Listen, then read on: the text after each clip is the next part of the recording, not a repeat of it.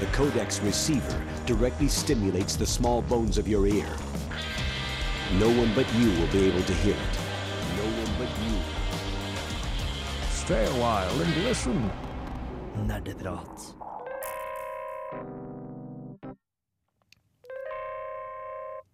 Hei og velkommen til dagens episode av Nerdeprat på Radio Revolt. Mitt navn er Anders, og med meg skal du være i to timer nå. Hvor vi skal snakke om eh, dataspill, TV-spill, og så tror jeg kanskje vi har en lite overraskelse på lur òg. Med meg i studio så har jeg med meg en tekniker. Hans navn er Torben, men vi liker å kalle han for T-Bone. Hei, Torben. Hei, Anders. Hvordan går det med deg?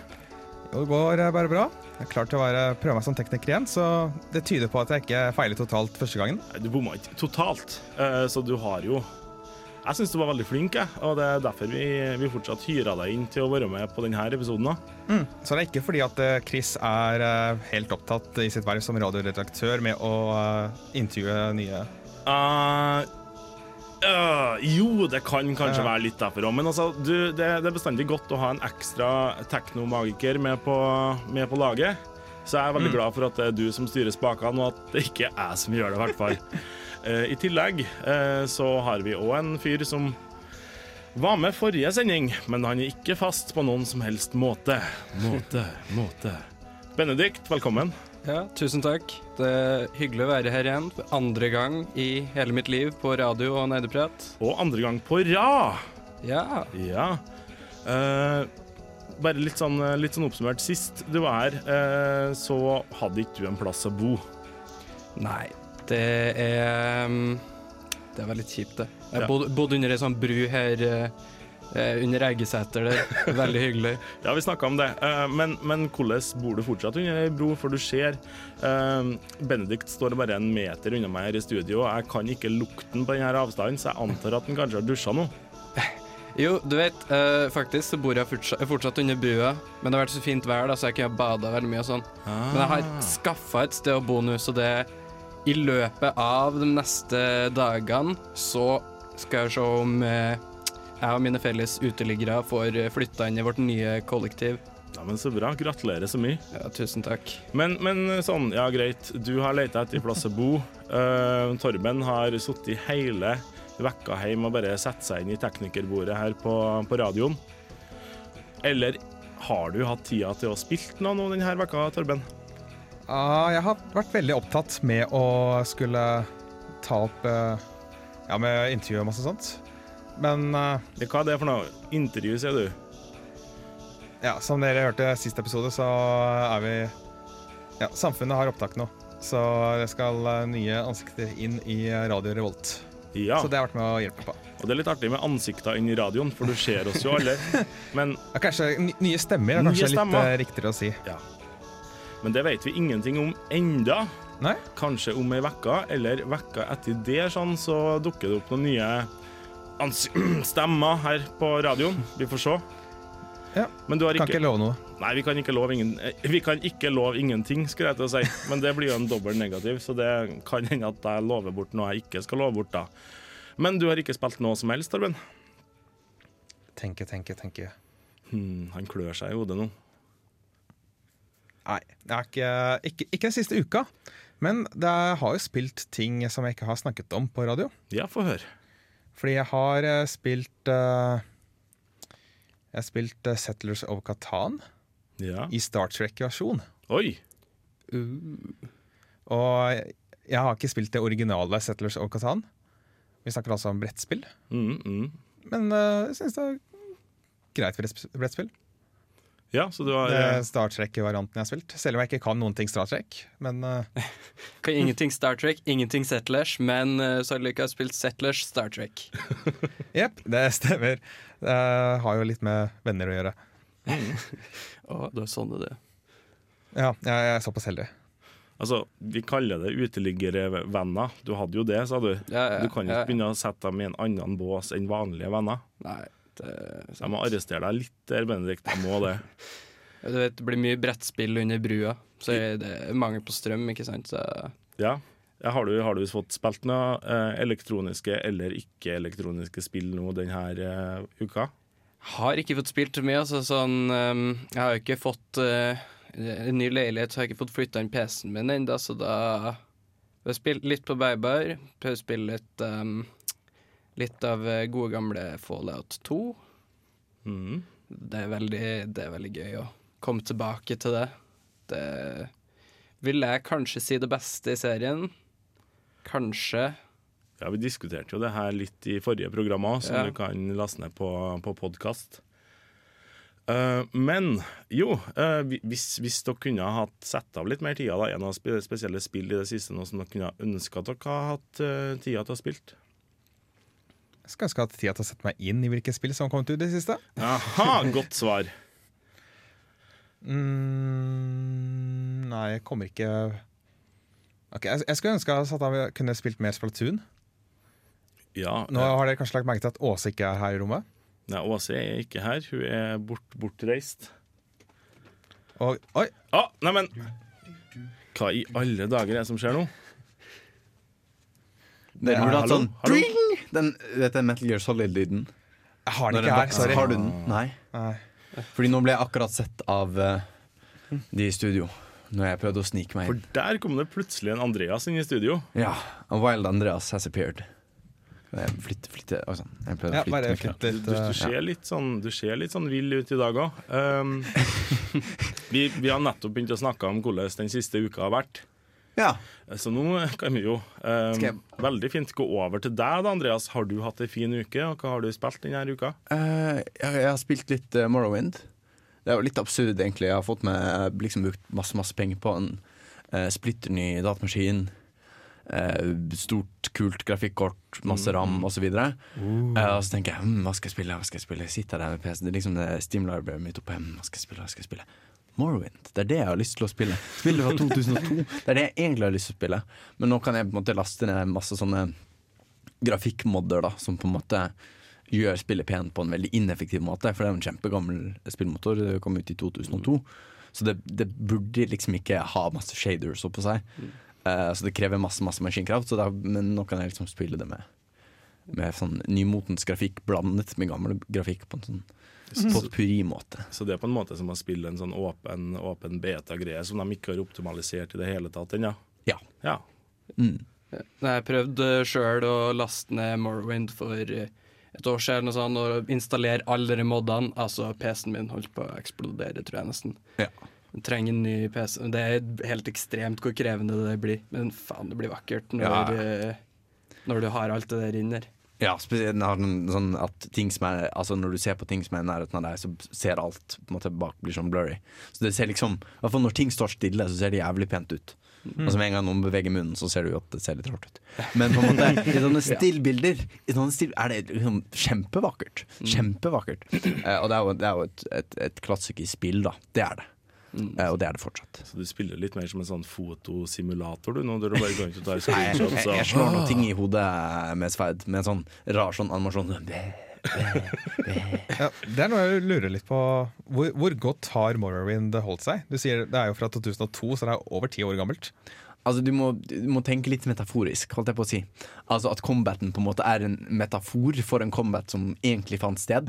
For det er, det er på en måte nærmere mange sånne tabletop-ting. At det er på en måte Hver gang du slår noen, så er det en sånn terningkast, og så kanskje treffer du, kanskje treffer du ikke. Så det er ikke basert på liksom posisjon. Det er ikke basert på på en måte Er motspilleren din kjapp nok til å trekke seg tilbake? Det er liksom 70% avhengig av statsene dine og sånn. Så jeg på en måte tenker at dette er liksom en metafor for den fancy kampen som egentlig skjer, som er basert på, på en måte, hvor raske alle er og sånn. Og så det jeg ser, er på en måte eh, litt sånn um, ah, Runescape. Liksom. Ja. Det er bare Pop. symbolverdien i alt Pop. sammen. Ja, det er symbolsk, Ja, ja, det. ja. Nei, Jeg husker hvor irriterende det var når jeg, jeg skjønte ingenting første gangen jeg spilte Morrowind. Det må ha vært nesten når det kom ut omtrent. Og så går jeg opp til noen, prøver å stikke dem, men bare miss, miss, miss, miss, miss. miss. Men jeg traff han jo! Ja, så det, det er på en måte du, du må ha riktige skills. Altså du må ha riktig liksom Ikke dine skills, men på en måte din figur sine skills må være riktig for at du skal, du skal treffe noen ting. Men, men siden det spillet da kun dreier seg om sets, og ikke om aim eller noe som helst, så er det jo et veldig casual game, Ja, det er sykt casual. Det er liksom Morrowind, uh, casual game of the year i 2003, faktisk. Men nå har jeg, nå har jeg stått her lenge og snakka om dere, og nå venter jeg bare på at noen skal spørre. Anders! Åh. Anders! Anders, an Anders, Ja, Torben? har du hatt ei en fin uke? Ja, jeg har hatt ei en fin uke. Takk for at du spurte, eh, sånn helt uten at jeg trengte å pushe deg til det i det hele tatt. Ja, det var hyggelig. Det, det er sånn det er å være gift, Anders. Ja, eh, Jeg og Torben er ikke gift for øvrig. Eh, Vi kunne ha vært det hvis vi hadde villet, men, men vi, er ikke, vi er ikke helt der. Så det er ikke det juridiske som er problemet, egentlig. Nei, altså det har jo vært noen skattefordeler ute og gått der. Altså. Men vi er, vi er altså ikke det, da. Eh, Jeg har eh, Ja, hva har du spilt? Jo, eh, jeg kjøpte meg Jeg snakka litt sånn forrige onsdag om Rocket League, som er det fotballbilspillet. Som noen ville at jeg skulle eh, bli med og spille. Så tenkte jeg ja, OK. eh, det koster jo bare 140 kroner på Steam. Tror jeg. Jo, 140 kroner, ja. Så jeg bare ja, vi trykker kjøp, og så angrer vi oss seinere i semesteret. Tenkte jeg. For det er ikke pengene det går på, men uh, tiden, kanskje. Nei, men altså 140 kroner er jo 140 kroner hele, hele året. Men, men, noen, men noen gang i løpet av et skolesemester så er 140 kroner fortsatt mer penger enn andre ganger i semesteret. Ja, fordi jeg klarer bare å tenke på prosent, penger som prosentdel av hvor mye penger jeg har. Så akkurat nå er ikke 140 kroner så veldig mye. Nei, nettopp. Men Eh, Nå har jeg nettopp men- fått det store stipendet, ikke sant? Så. ja, stort stipend. Eller da. ikke stipend, men lånutbetaling. Lånstipend. Altså det er jo um, Og alt skal 60-40 brukes på sånt. utdanning. Ja. Men eh, Ja. du, du, skal bruke på, du skal brukes på dannelse. Dannelse. Hvor er ikke dataspill en del av dannelsen?! Jo, det er den. Det var ikke meninga å flire av det. Men jeg, jeg Nei, sier ikke at du du ikke hadde et poeng. Det var meningen å være morsom, så det er helt greit. Å, ja, Jeg var okay. ikke oppfordret til det. Her ble det litt sånn krysskommunikasjon. Jeg skjønte ikke hva du mente, og du skjønte ikke hvorfor jeg flira av deg. Hvorfor lo du av meg? Eh, fordi at jeg mente at du tok totalt feil. Å ja, du mener det Ja. ikke er en del av dannelsen? Ja, eller det var i hvert fall den litt sånn, litt sånn bombastiske og pompøse måten du Ja, sa det ja på. det, var, det var bevisst. Det var eh, eh, Nå føler jeg meg nesten som vi er sånn datamaskiner som må overanalysere alt på en sånn supersaklig måte. Men jo, uh, Rocket League ja, har jeg spilt. Uh, I tillegg så har det jo nettopp kommet en ny expansion til Heartstone. Eller Hearth, Hearthstone. Hearthstone. Nei, Heartstone. Uh, jo, men det skrives jo Hearth. det skrives Jeg tror det uttales Hearth. men jeg tror alle kaller det Hearthstone. OK. Ja. ok Eh, der har det kommet en ny expansion nå med utrolig mange nye, nye kort. En sånn full expansion som heter The Grand Tournament, tror jeg. Eh, som bare tar for seg troll og Nei, jo, tar for seg sånne undead sånn oppi isødene oppi en eller annen plassen i Warcraft-universet. Jeg har bare fått spilt det en, ja, en liten time, så jeg har ikke helt satt meg inn i hva som er, hva som er nytt, og hva som er dårlig, og hva som er bra nå. Eh, Men det gleder jeg meg til å fortsette med. Og så satt jeg hele søndagen og kikka på streams fra League of Legends. For det har vært sånn kvalifisering nå til, til verdensturneringa. Ja, det er LCS, er ikke det det heter? LCS, ja. Stemmer.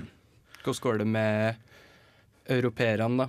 Du, eh, det jo, de har jo en, et favorittlag som er i hele, hele, um, hele sesongen her. Så har det jo vært Team Fnatic som har liksom ligget an til å gjøre det best. Eh, og så kom de jo til finalen nå, og så slo uh, Origin, som er eh, Det består av ganske mange tidligere medlemmer av Fnatic. Oi. Så det er en sånn bitter feide der, Det var, egentlig? det var en litt sånn bitter feide. Uh, og når de da slo dem i første av en sånn best av fem-runde Og det var det første gamet de har tapt nå på Oi. 23 matcher.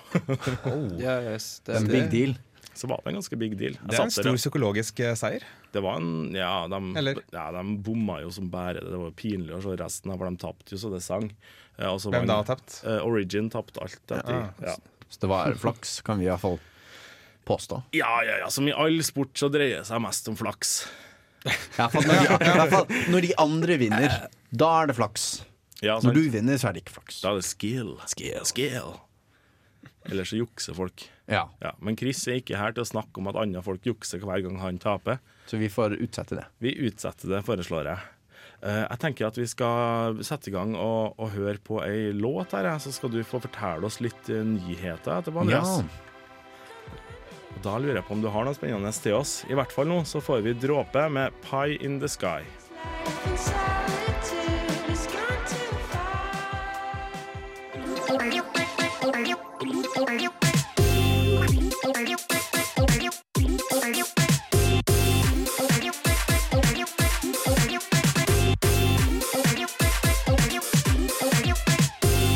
Nerdenytt. Jepp, da står jeg her direkte fra studio med nyeste Nerdenytt.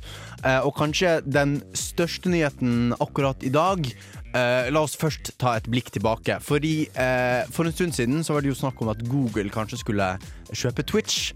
Men så ble det snappet opp av lurendreierne hos Amazon. Og nå som Twitch har vist seg å være en veldig lukrativ, det er snakk om store penger som eh, er der, så er det kanskje eh, Google har funnet ut de vil ha en bit av den kaka. Fordi nå eh, snart lanserer YouTube sin YouTube Gaming. Eller Gaming YouTube, alt ettersom. Hvis du går på gaming.youtube.com, så får du en egen nettside eh, spesialisert for alt, og, alt som handler om gaming.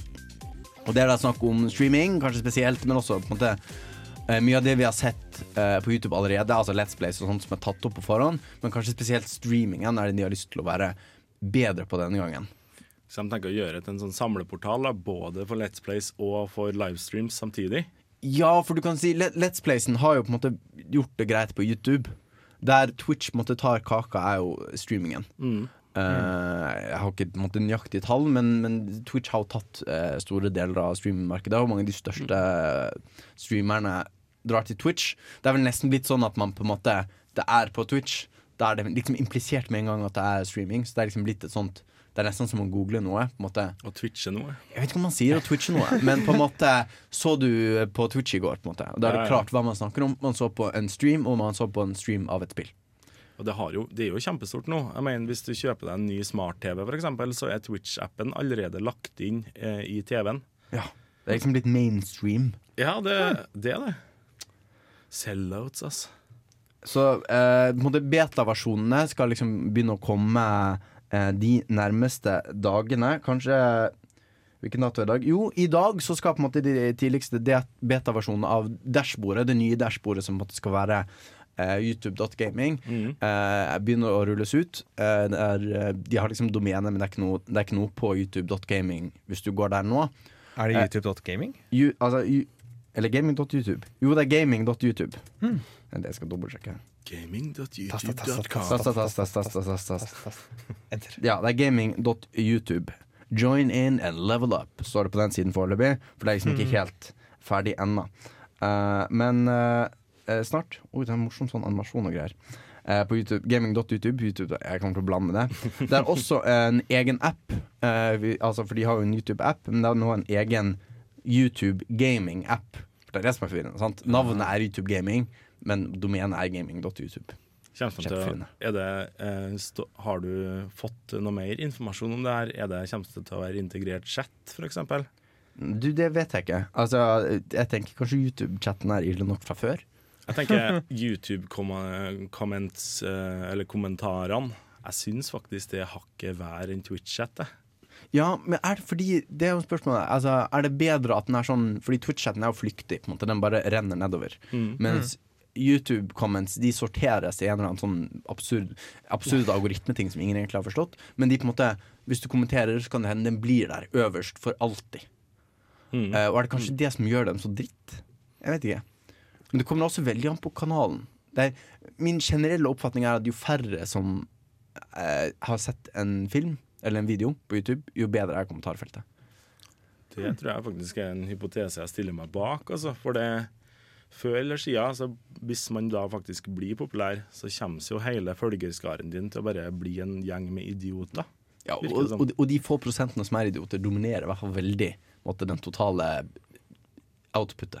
Nå må vi bare få inn en matematiker her til å lage en slags ligning på det, så kan vi på en måte tjene millioner eller noe sånt. Ja, fordi da kan vi finne liksom nøyaktig hvor mange seere du bør egentlig gå etter, hvis Ja. du vil ha gode comments. uh, men jeg lurer på, kommer dere til å Ser dere noe særlig på Twitch i dag? Ja, Eh, iblant. Tror, Jeg gjør ikke så mye. Kommer dere til å eh, Benedikt og Anders, dere som uh, bruker Twitch, kommer dere til å bytte? Kommer dere til å prøve? Eller hva eh, tenker dere nå? For min del så er det ikke så mye eh, Så mye hvilken plattform jeg bruker, men mer hvilke profiler som dukker opp på de forskjellige, forskjellige nettsidene. Eh, så det som er interessant her, er jo om f.eks. Google har hatt en, tatt en sånn reach-out og sier hei, vi vil ha med deg og deg og deg og deg på laget vårt. Mm.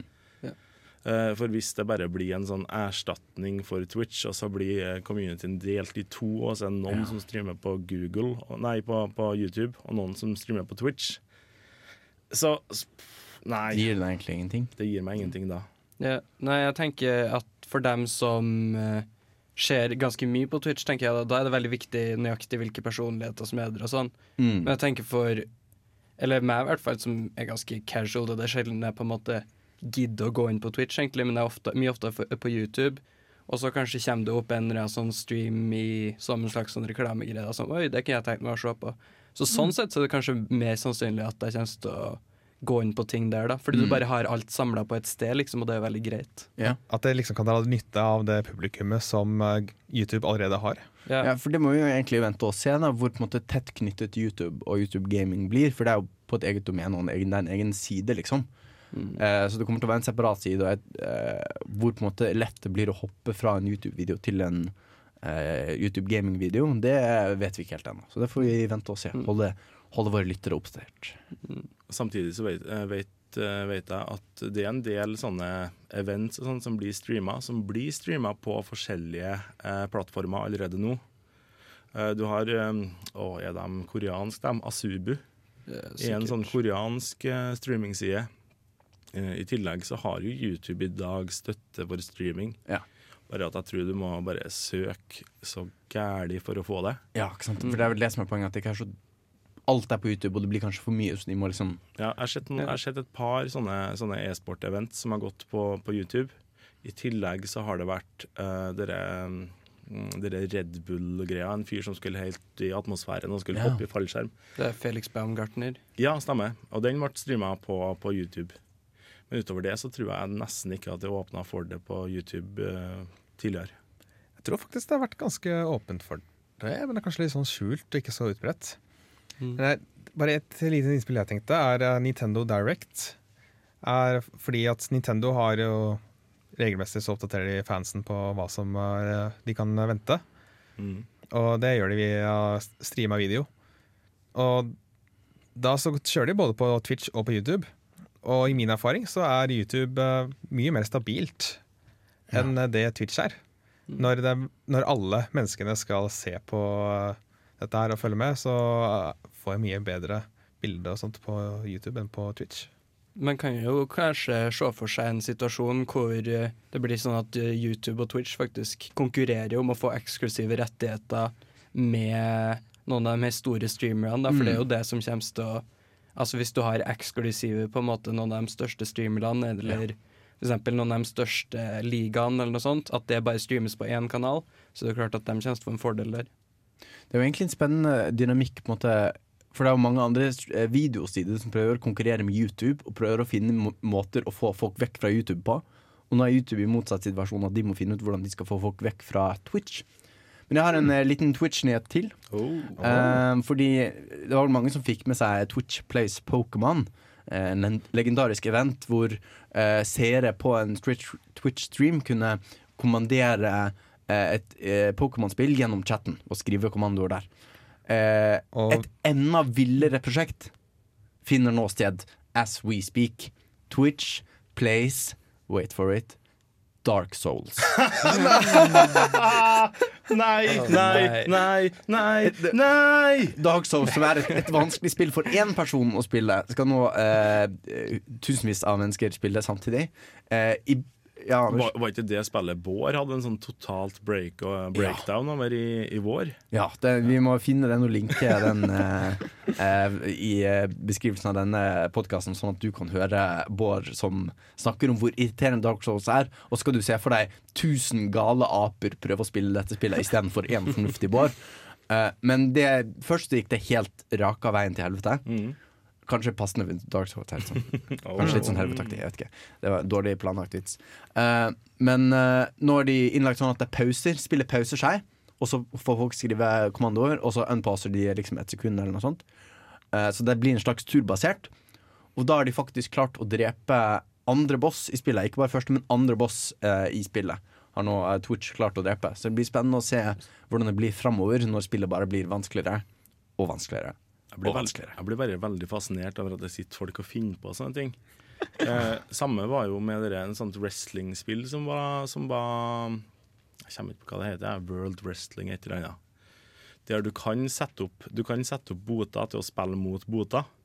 Så de må bare lage en stream der det var boter som spilte mot boter, og så satt folk og bare stemte på hvilken bot de håpa vant. Og det var en kjempesuksess en stund. Det er bare jeg som føler at det er litt sam samme dynamikken som driver sånn type Sommerbåten og sånn på NRK. At det er liksom det, Kanskje kommer det til å skje noe? Ja, men det blir liksom sånn Det er liksom litt samme greia, da. Fordi folk synes det er liksom De vil være med, og så skal de på en måte følge etter båten og sånn. Nå er det litt samme greia, da.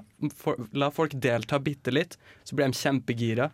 Så det er liksom spillets sakte-TV. Ja. Så kanskje NRK burde liksom gripe inn og si Øy, det var vi som fant på sakte-TV. Ikke kom her og stjel vårt konsept. Det er et veldig godt poeng. Vi skal vi kontakte NRK. Ja, de er ikke så langt unna. Kanskje vi bare skal springe Rope. opp etter sendinga. Vi roper.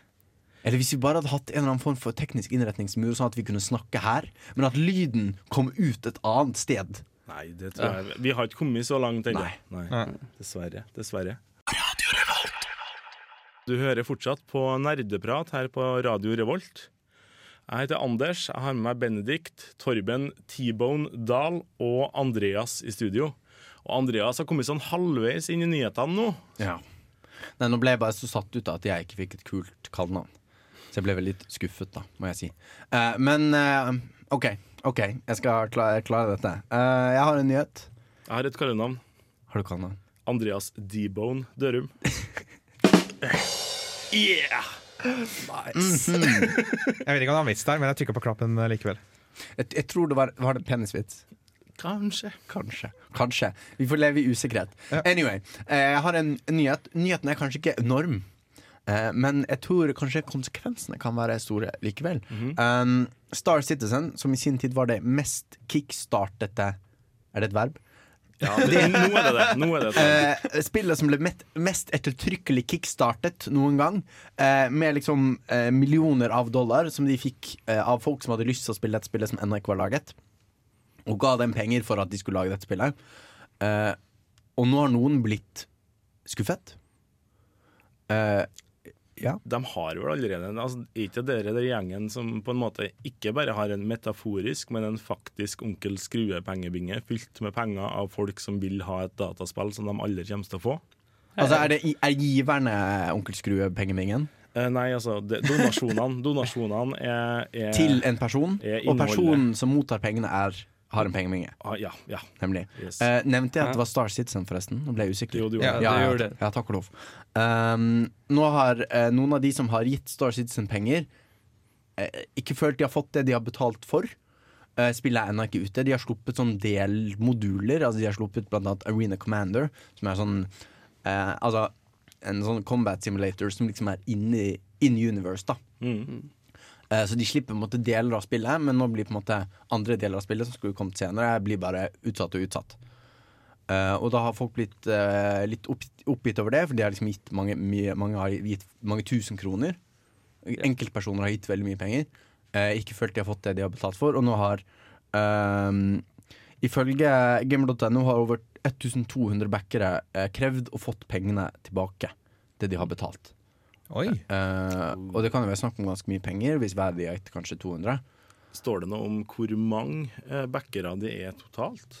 Nei, men det er, det er, det er flere er millioner backere. backere. men- For de har jo Er En ting er kickstarter-kampanjen, men de har jo fortsatt crowdfunding etter det. For, med, for seg selv. Altså, det er vel ikke millioner av backere, men det er millioner av dollar. Det er snakk om, er det ikke Jeg sånn? lurer på om det kan være sånn, i hvert fall flere hundre tusen backere. Men det er jo interessant å vite. Ganske mange, i hvert fall. Altså, Ja. for, for hvis, det er, hvis det er over en million backere, og det er 1200 som sier at 'nå vil vi ha pengene våre tilbake', så er det jo egentlig bare en dråpe i havet. Ja. Men samtidig, det har vel kanskje eh, Det har vel kanskje noe Det er vel noe symbolsk verdi i det her. Ja, det er det jeg tenker. Fordi eh, spørsmålet er Kan du, når du kickstarter, har du betalt for et produkt egentlig? For det er ikke det samme som å forhåndsbestille et spill. Kan du Nei. egentlig kreve pengene tilbake? Jeg vet ikke om jusfeltet på en måte er blitt ferdig uttenkt på det, men spørsmålet er om har jussen noe å si hvis folk virkelig forventer å få pengene sine tilbake, og blir pottesur hvis de ikke får det? Vel, jeg mener å huske at det helt fra starten har vært folk som har sagt det at eh, Hei, ikke, ikke tenk på Kickstarter som et produkt som du kjøper. Tenk på det som en eh, slags Ikke engang investering, tenk på det som en donasjon. Som du gjør, i den tro at eh, du muligens vil få det tilbake. Men øh, jo, så er det jo ikke sånn at de har jo ikke sagt at spillet ikke kommer. Det er bare at det kommer senere enn folk hadde trodd først, da, kanskje. Men så har det jo også vært sånn at spillet sin størrelse har blitt konstant utvida og utvida og utvida Ja. helt siden det ble starta. Altså, først skulle det bare være på en måte et sånn type romskip og sånn, og nå er det på en måte også førstepersons skytespill og Altså, du skal gå rundt på planeter og Ja. Altså, det har bare ballet på seg, ballet på Mm. seg. Blitt et ufatt... Altså, det har liksom blitt Hvis du liksom eh, sier til en 16 år gammel gutt at måte, du kan ha akkurat hvilket spill du vil, og du får eh, uendelig med penger, så tror jeg det er Star Citizen han hadde tenkt ut. For det er liksom eh, Det er en MMO, men det er også en RPG, men det er også en FPS, og det er også et flyspill, og det er også liksom science fiction, det er også sånn dritkult, og det er også persistent, og på én server. Og det er liksom blablabla. alt som er kult, men alt som er vanskelig, i én pakke. Og det kommer aldri. Det kommer aldri. Er det aldri? Ja. Betyr det aldri? Aldri. Jeg tror, ikke, jeg tror jeg er uenig. Jeg tror det kommer til å komme. Jeg lever i håpet. Jeg backa ganske tidlig. Jeg kommer sikkert til å spørre om pengene mine tilbake. Det er derfor du bor Nei, fordi under en bro, Benedikt. Fordi du har alle pengene dine. Ja, men hva føler du når du En ting er hva føler du når spillet ikke kommer når det ble lovt? Nummer to, hva føler du når folk krever pengene sine ut igjen? Altså, For min del så tenker jeg at uh, det var vel Jeg var aldri, jeg hadde aldri noe sånn tenkt at OK, på den datoen der så må det komme. Og Jeg har egentlig forventa at det kommer til å ta jævlig lang tid, men jeg håper jeg håper på at slutten av denne lange prosessen så kommer jeg har det beste spillet noensinne jeg har spilt, og et spill som jeg kan spille i flere år. Og det kommer til å være verdt det. Og det er jo det, som det er litt av, det er det som er litt av greia med det kickstarter-helvete, som jeg liker å kalle det. Det er at, at du kaster i litt penger, og så, og så får du, du får ikke et ferdig produkt. Men du får muligheten til å prøve deg fram mens det blir utvikla. Ja. Så kanskje da spiller du en par timer i ja, f.eks. november i fjor. Og så plutselig tenker du oi, jeg har jo det her spillet fortsatt liggende inn, og det har jo oppdatert seg ukentlig på Steam. Og nå er det april. Og apropos, dette syns jeg var en eh, god Segway. Og jeg ødelegger Segwayen ved å kommentere at det er en god Segway. Ja, du gjør det. Ja. Uh, men apropos spill som bare fortsetter å gi. For det er ett spill som på en måte nå har har vært ute lenge, men nylig ble oppdatert, nemlig Diablo 3. Fordi jeg nå har fått Jeg vet ikke om det er den siste store oppdateringen, men på en måte den siste i rekken av eh, store oppdateringer. Nemlig oppdatering eh, 2,3,0.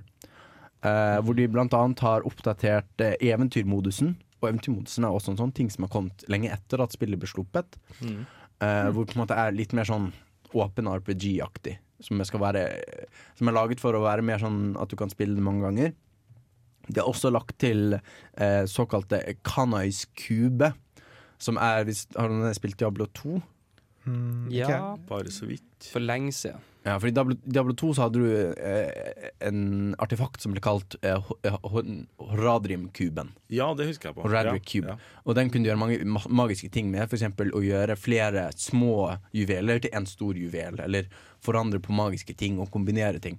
Og det Kanøys kube er liksom en forløperen til eh, den radiske kuben. da Så den gir, har mange funksjoner som gjør at du kan kombinere og trekke krefter ut av eh, magiske ting som du finner, for å liksom mate denne her Diablo-greien. Drepe monstre, finne glitrende sverd, bli euforisk. Eh, og, ta, og slutt på jobben din, ta heroin. Eh, altså det er på en måte den eh, Den er laget Tanken er at den måte skal gi enda flere insentiver til at du vil ut og finne den det beste sverdet. da Blizzard generelt er jo kjempegod på de heroinspillene. ja, de, de, er bedre, altså de er bedre til heroin enn de som lager heroin. Og det er lovlig. Altså, Ja. Blizzard, det er, ikke- det er ikke rart de har en del penger. Jeg kaller Blizzard bare for dealeren min. Ja, ja, det er jo det det er. Eh, men jeg har allerede kjøpt eh, Diablo 3, så jeg lurer på om jeg skal eh, finne en Jeg må finne noen passord og greier, men eh, på en måte installere det på nytt for å sjekke ut eh, oppdatering 2.3. Og det kan jeg anbefale at du som hører på, også gjør, hvis du allerede har det. det, jeg husker jeg kjøpte Diablo 3 for lenge siden, og var så, det fanga meg egentlig ikke helt først. Nei. Men nå nylig så plukka jeg det opp igjen, og det er dritartig. Altså. Det, er- det er et skikkelig skikkelig bra spill, egentlig. Det Ja, er et fordi, veldig bra fordi, spill. og det Blizzard har gjort, er på en måte ta konsert, fordi de fikk veldig mye pepper for endringene de hadde gjort, spesielt med magiske gjenstander, hvordan du fikk dem og sånn. Det er Auction House-tingene. De hadde jo Real Money Auction House. Uh, og på en måte de har tatt veldig konsekvensen av at folk ikke likte det, og gjort mange endringer. Fortsatt gjort masse endringer for å forbedre den spilleropplevelsen. Så det er på en måte eh, bra Blizzard som fortsetter å oppdatere et spill, og uten å ta betalt for det. Altså, De sier ikke sånn hvis du vil ha den nye eh, gjør spillet bedre oppdateringen, så må du betale oss penger. Nei, den følger med gratis, bare du eier Diablo 3. Det er kun, kun det originalspillet. Du trenger ikke å ha noen expansion til Jeg, det. jeg, tror, jeg tror altså mange av patchene gjelder for begge. Eh, begge Og så får du, du får så, sagt, så klart mer hvis du har expansion packen Reaper of Souls. Så får du mer, men du får, du får også på en måte de store endringene gjelder for hele spillet. Nei, Min umiddelbare- reaksjon er at de bare forbedrer spillet uten å kreve noe tilbake. Liksom, hva, hva, er det de har å tjene på det? De bruker masse penger på å utvikle dette her og teste og sånt. Jeg, jeg tenker jo at Blizzard er en merkevare. Ja. Og hvis de får etablert at et Blizzard-spill, det kan du stole på. Og hvis det ikke er bra på launch, så blir det bra. Så da, det på en måte gjør at folk er mindre Altså Preorders er ganske viktig for spillindustrien, for de vil ha penger inn så fort som mulig. Og det er mye mindre Det føles mye mindre risikabelt å pre-ordre et uh, Blizzard-spill hvis du vet at du får god vare. Så, så må man jo huske på at, at Blizzard har et annet spill som òg bruker av Diablo-universet, altså Heroes of the Storm, som er, Ja. som er deres uh, farts game. Jeg kaller det farts, det kalles egentlig for Moba, men det står for fast action-paced, uh, real-time strategic uh, Nei.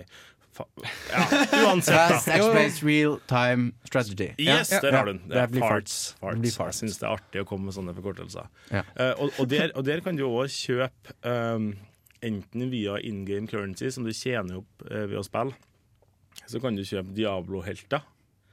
Men du kan òg betale penger for det, mikrotransaksjoner, for å få dem. Ja.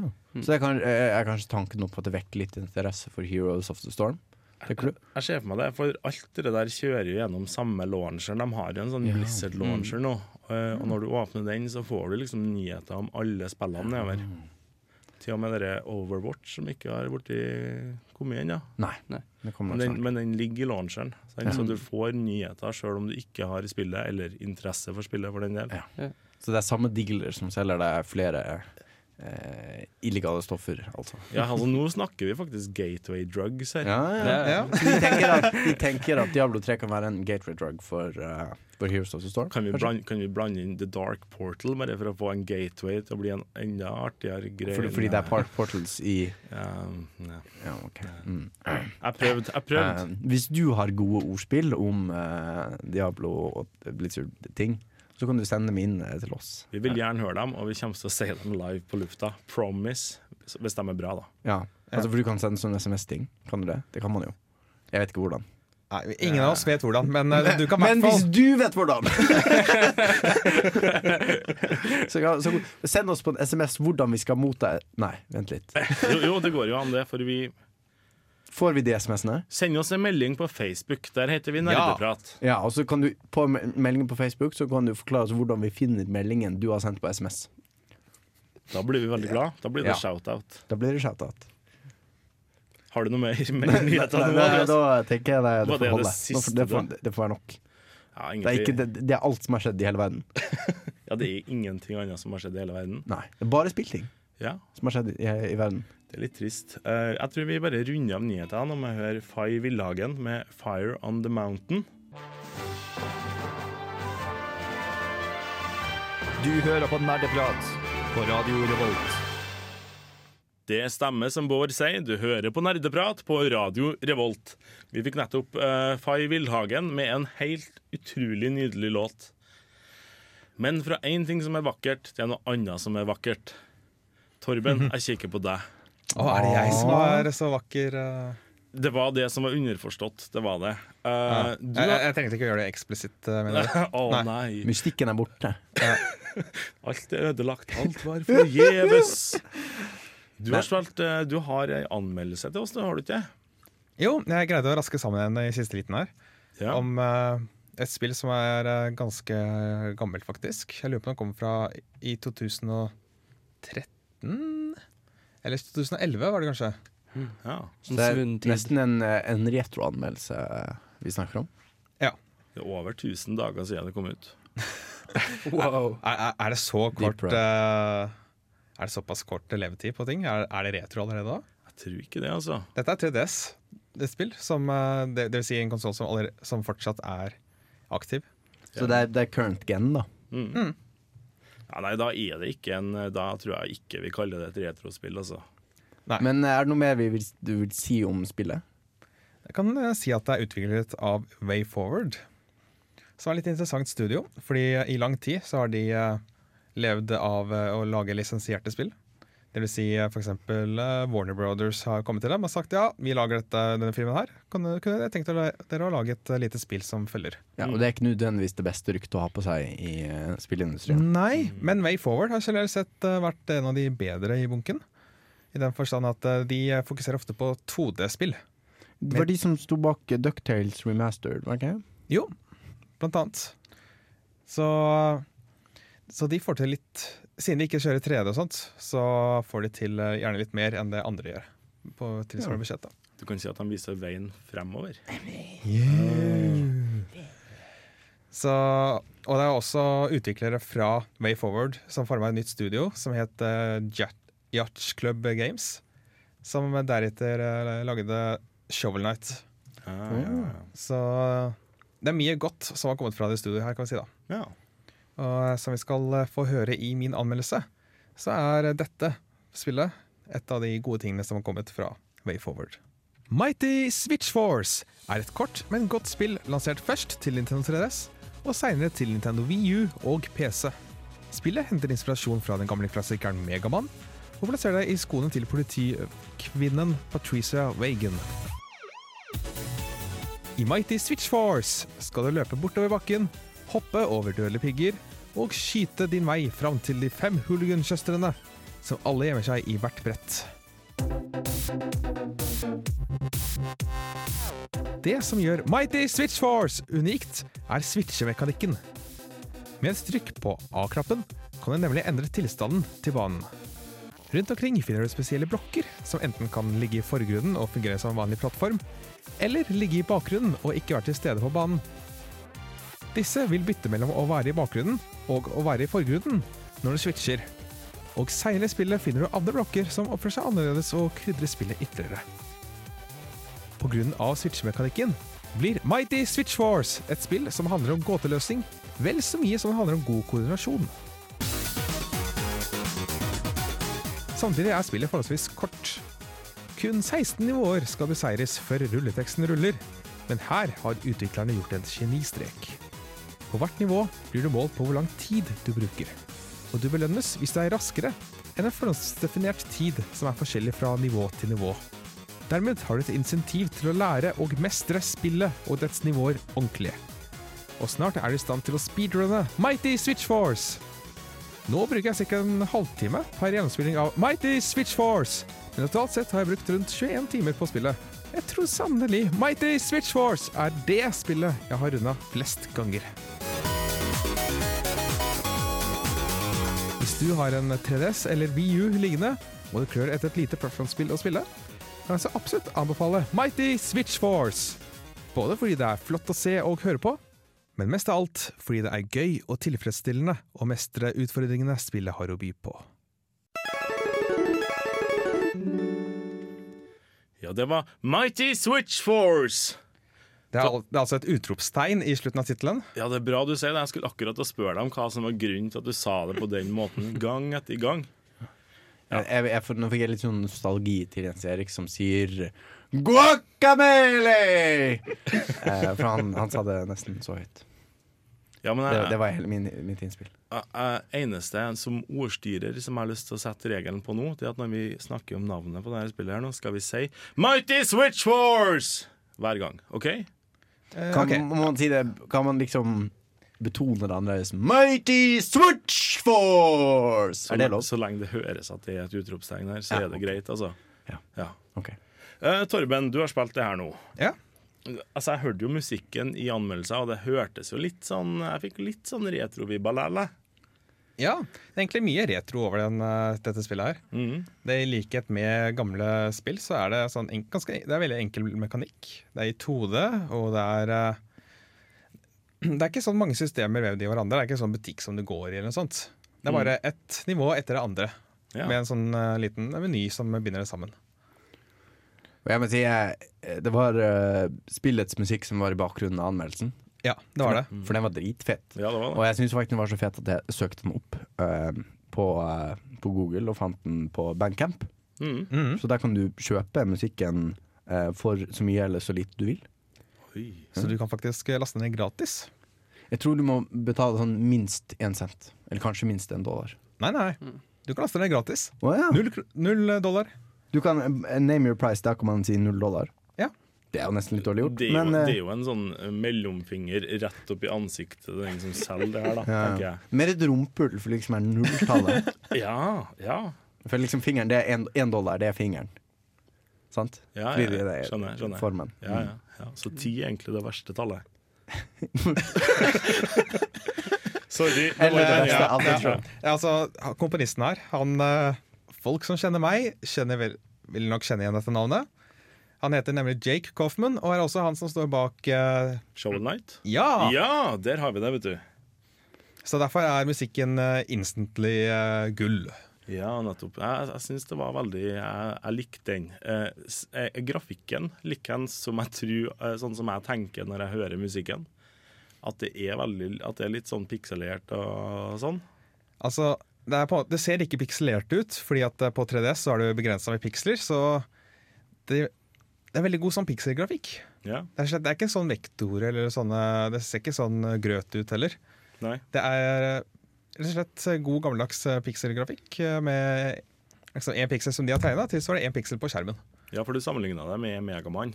Eh, Var det mest i måten du spiller det på? Ja, det er mest i måten du spiller på. For eh, jeg vil kanskje si det minner meg litt om sånn 16-bit-spill, mest i Mm. hvordan det ser ut. Men det ser også De, de er ikke gått for en spesifikk eh, sånn retro-stil heller. Så de har tatt seg friheter. Og dette spillet er jo tilgjengelig både på 3DS og VU, mm. og nå også PC. Og eh, på 3DS så bruker de denne stereoskopisk 3D-skjermen for alt den er verdt. Så du vet liksom hvor, sånn, hvordan i, i gamle retrospill, når du går til siden eh, og skjermen scroller og du liksom avanserer på brettet, så vil noen deler av bakgrunnen vil scrolle litt sånn sakte, Ja, sånn parallax-scrolling. Ja. ja. som det heter på fagspråket. På, I 3D-utgaven så vil de uh, forskjellige lagene være i forskjellig uh, dybde. No, noen vil være ganske langt inn i skjermen, mens andre vil eh, være litt eh, i for, mer i forgrunnen. Elegant. Mm. Men eh, jeg er litt sånn Jeg kan bli veldig frustrert av spill. Eh, så mitt spørsmål er Kan dette likevel være et spill for meg? Altså Du snakker liksom om å mestre en utfordring. Ja. Men hva hvis jeg blir så irritert av den utfordringen underveis at det ikke er verdt det? Altså Tenker du det er en, en eh, aktuell fare med dette spillet? At man blir for frustrert? Mm, jeg tror ikke det, egentlig. Fordi for det første så har du tre liv. Ja. Eller, eller du kan bli skada tre ganger før det er game over. Og du får, det er ganske sjenerøst med å gi ut uh, liv og sånt. Ok, Så det er ikke liksom sånn man blir truffet av ting hele tiden? Nei. Men, men hva skjer hvis man dør? da? Må man rykke tilbake til start, eller at man bare må restarte levelen fra siste checkpoint og sånn? Det er ikke noe sjekk... Jo, det er ikke faktisk Nei, det er ikke noe checkpoints i Nei. levelet. Men, men du starter på samme level igjen? Ja. Ja. For, eh, og når du nevnte det der med sånn switching mellom de forskjellige blokkene som finnes i den ene modusen, men ikke i den andre modusen Jeg fikk litt sånne assosiasjoner til eh, og et spill som er sånn cirka like langt tilbake i tid, altså eh, Great Giana Sisters Twisted Dreams. Ok. Der, er, der er det jo òg sånn at man driver og hopper mellom to forskjellige verdener, der man har eh, tilgang på forskjellige, eh, forskjellige abilities. Eh, evner. Evner var det norske ordet jeg lette etter. Og eh, åpninga i, i banen. Spørsmålet da, som jeg lurer på, er at går det an å komme seg gjennom banene uten å drive med switching i, eh, i Mighty Switch Force? Eller må man switch for at det skal fungere? Switching er en sentral mekanikk i, eh, Mighty, i Mighty Switch Force. Bra. Så uh, du er nødt til å eh, bruke switching. Og det kan du gjøre enten med å trykke på A-knappen, eller R-knappen, eller L-knappen. Det er, det er liksom, alle knappene som ikke brukes til noe annet på 3DS-en, brukes til å switche. Så hvis ikke hadde du vært Mighty Force! Og det lyder ikke like bra. Ja, Så du bruker switchinga veldig mye til eh, puzzle solving, da. Counterpoint, counterpoint. Det heter Super Mario Brothers, men du kan velge å spille i énplayer uten at Luigi er med i det hele tatt. De er fremdeles brødre. Ja, det er fremdeles brødre. Ja, men han nevnes jo aldri i spillet. Det er sant. Men det er Japan. De er litt, sånn, de er litt rare på titler der, Det syns er jeg. sånn Super Smash Brothers også. Liksom, hva Det det er jo mer enn bare brødre enn det der, liksom. Ja. What? Hva skjer der, liksom? Det liksom? gir ikke mening. Hva, hva, hva, what's up with that? Ja, Mario Kart har jo òg motorsykler med seg. Ja, ikke sant? Ja. Du må ikke kjøre en kart. Nei. Og det er ikke det eneste eplekart, for eksempel. Å, Ja. å, eller Jo, for du har et vanlig kart. Du har et vanlig kart. Det har du, det ja. ja. En, en radar, i hvert fall. Men det er ikke Mario. Altså, karten, kartet er jo ikke Mario. Kartet er jo av banen. Ja, det er sant. Men er en av banene heter jo Mario Raceway, så da er det jo, da er det jo faktisk et Mario-kart. ja, Jeg føler vel litt vel teknisk her, men Og det sier teknikeren. Det Jeg vet ikke om teknisk er riktig ord. Jeg tror det er dum er riktig ord. ja, jeg jeg føler at vi snakka oss litt bort der. Um, er det Beklager. Hvordan kommer tilbake fra herre? Er det, men det spillet her nå, er det Du sa ikke noe om prisen på det, gjorde du det? Å nei, det gjorde jeg ikke. Uh, hvor har vi Google den? Uh, Mighty Switch Det koster 70 Å nei, Mighty på- Switch Force! Der fikk jeg Det utropstegn. koster i hvert fall 70 kroner på Steam. Ja. Eh, så det er spørsmålet skal, skal, Tør jeg å si, er det da et småspill? Oi, oi, Eller, oi. Eller, eller snike i køen ved å si det? Jeg syns det er veldig artig at du nevner det nå, for nå begynner vi faktisk å nærme oss det som er eh, temaet ved sendinga. Som da er Småspill? Småspill. Ja! Ja! Det. Yay. Men, men det er ikke småspill utropstegn. Det er småspill. Det er småspill, så vi kan si det på hvilken som helst måte vi vil. Men er det små spill, eller er det småspill? Du, akkurat det her eh, skal, vi, skal vi diskutere ganske straks nå. Eh, først skal vi få litt av in game-musikken til Mighty Switch Force av Jake Coffman.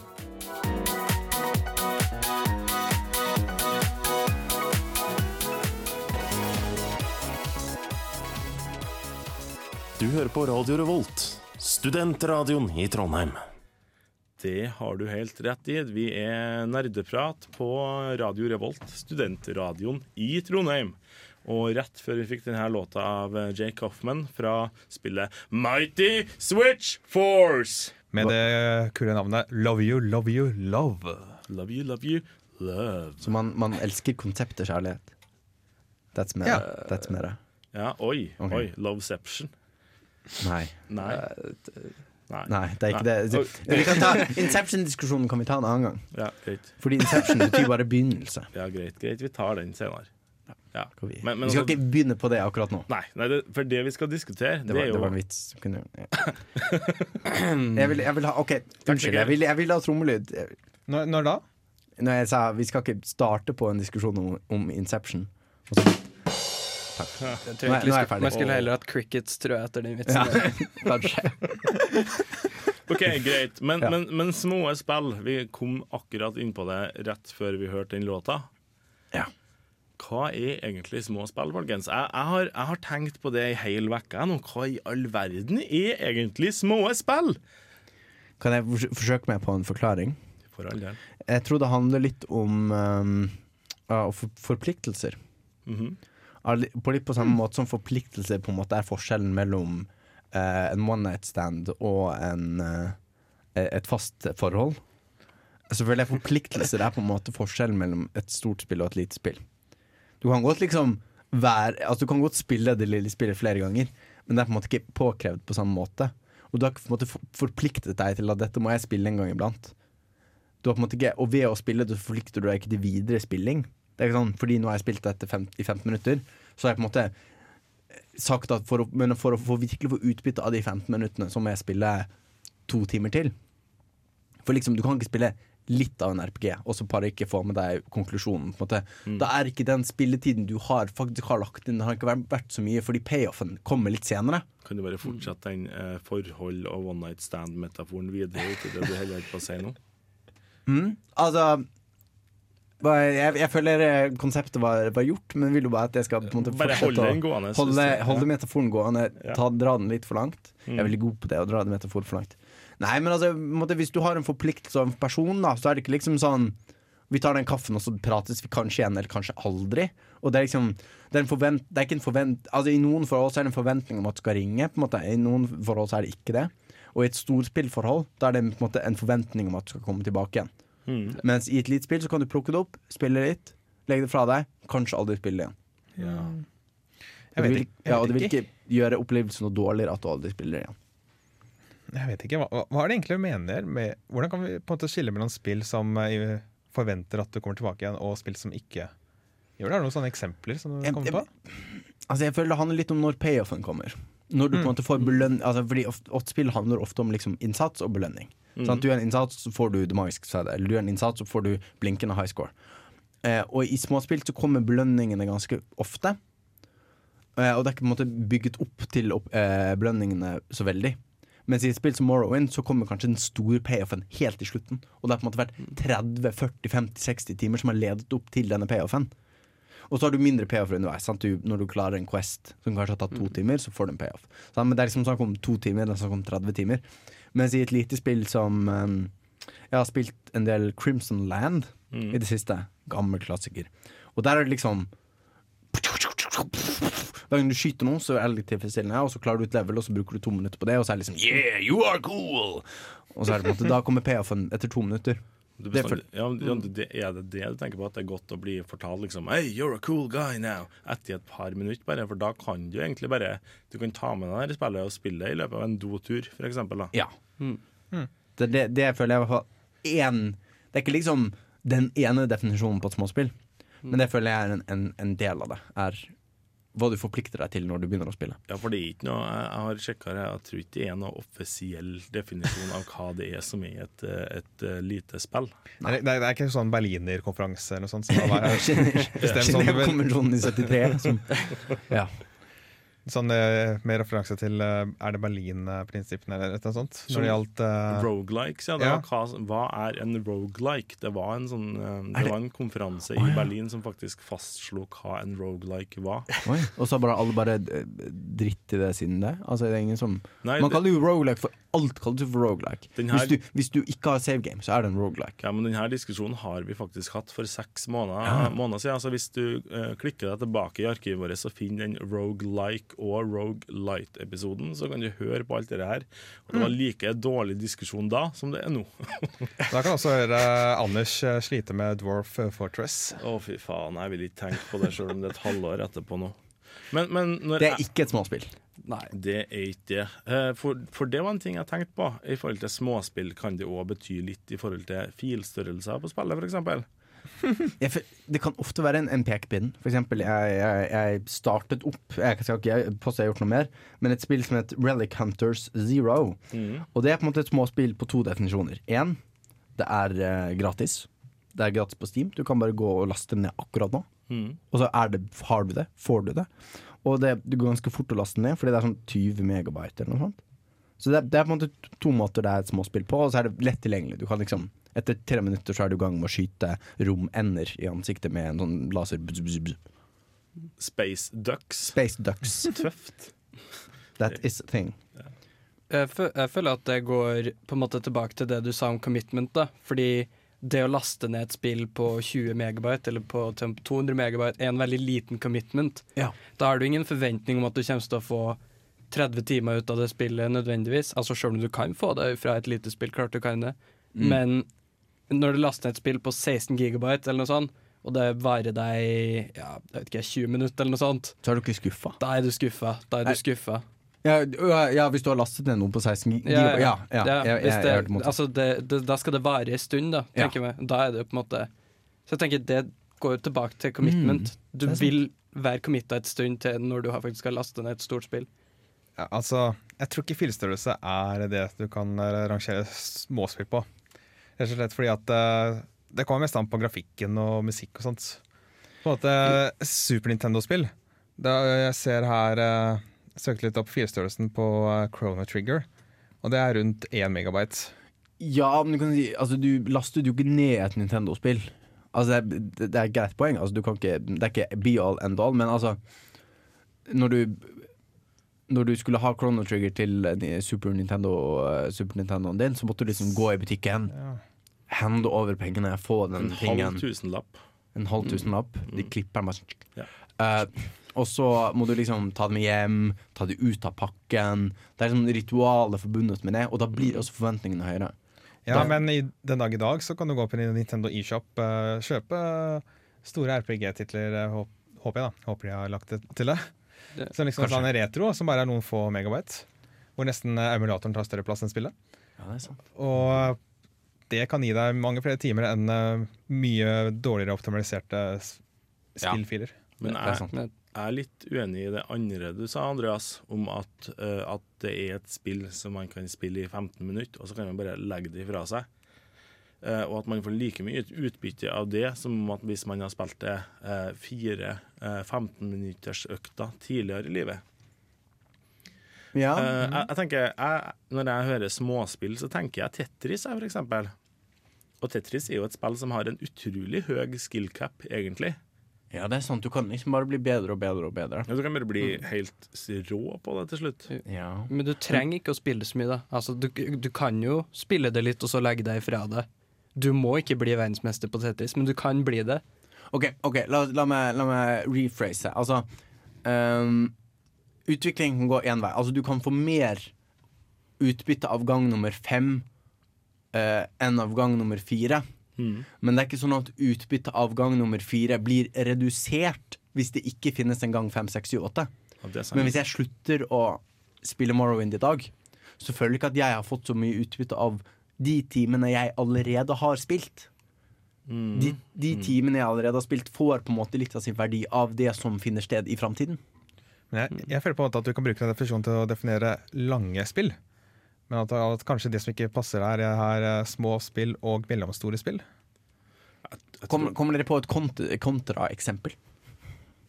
Altså et spill som vi kan være enige om er et småspill, men hvor denne regelen ikke gjelder. Uh, du uh, Nå, nå går vi vitenskapelig ja, til verks. ok, okay. uh, alle Super Mario-plattformspill tenker jeg er småspill, egentlig.